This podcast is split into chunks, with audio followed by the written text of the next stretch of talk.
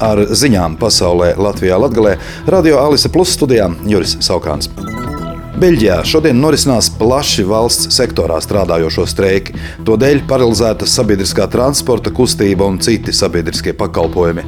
Arotbiedrības protestē pret valsts investīciju sarukšanu un darba vietu likvidēšanu, kā arī pieprasa atcelt pensiju sistēmas reformas.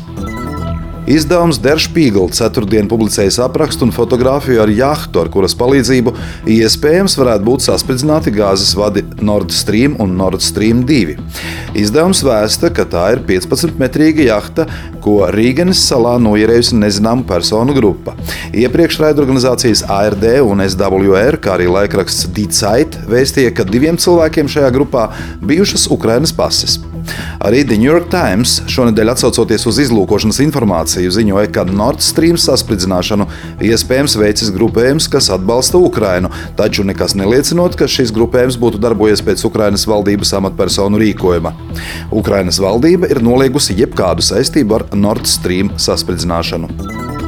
Vakar Krievijas raķešu triecienā tika bojāta pēdējā elektrolīnija, kas piegādāja elektroenerģiju Zaporīžas atomelektrostacijai, un stacija darbojas ar dīzeļģeneratoriem. Krievijas karaspēks okupēja šo lielāko Eiropā atomelektrostaciju jau pirms gada, un tā joprojām atrodas Krievijas kontrolē.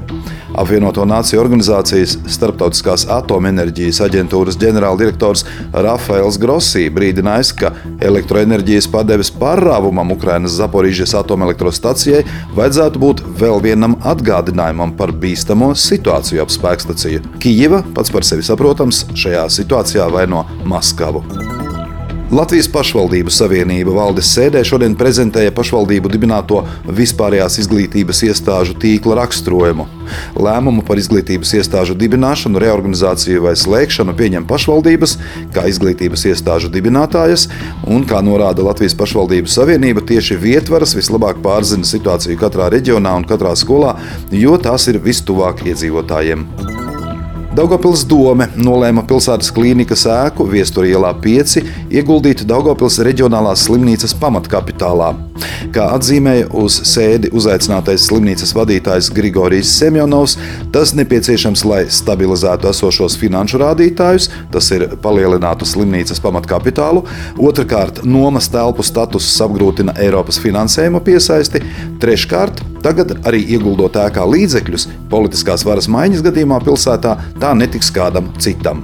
Pēc Semjonova teiktā pēdējā laika Daugopils reģionālās slimnīcas prioritāte ir bijusi onkoloģija, un tagad pienācis laiks attīstīt ambulatoru ārstēšanu. Ar grafiķa Vitolda Savirska izstādes atklāšanu Daugoplī sākas starptautiskais grafikas simpozijas. Starptautiskais Latgales grafikas simpozijas Daugoplī tiek organizēts jau 11. reizi, un šogad tas ilgs no 10. līdz 24. martam. Visā tā pastāvēšanas laikā simpozijas kopumā ir piesaistījis vismaz 100 grafiķus no vairāk nekā 35 valstīm. Daugoplī dzimušā grafiķa Vitolda Savirska izstādes atklāšana jau rīt, 11. martā, pulkstenis trijos dienā Daugopils kultūras pils izstāžu zālē. Ziņu apskatu pasaulē Latvijā Latgalē veidoja Radio Alise Plus informācijas un ziņu dienests ar Sabiedrības integrācijas fonda atbalstu. Studijā bija Juris Zaukāns.